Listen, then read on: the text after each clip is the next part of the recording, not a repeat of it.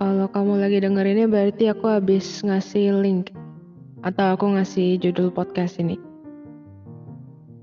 Sebenarnya ini random banget sih, kayak nggak nggak direncanain tapi pengen bikin aja gitu.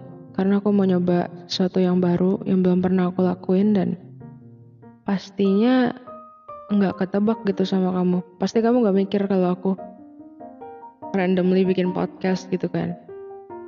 Ya sebenarnya aku juga nggak kepikiran awal yang mau bikin podcast tapi semalam random aja gitu pengen bikin. Intinya enjoy the whole podcast. I love you and bye bye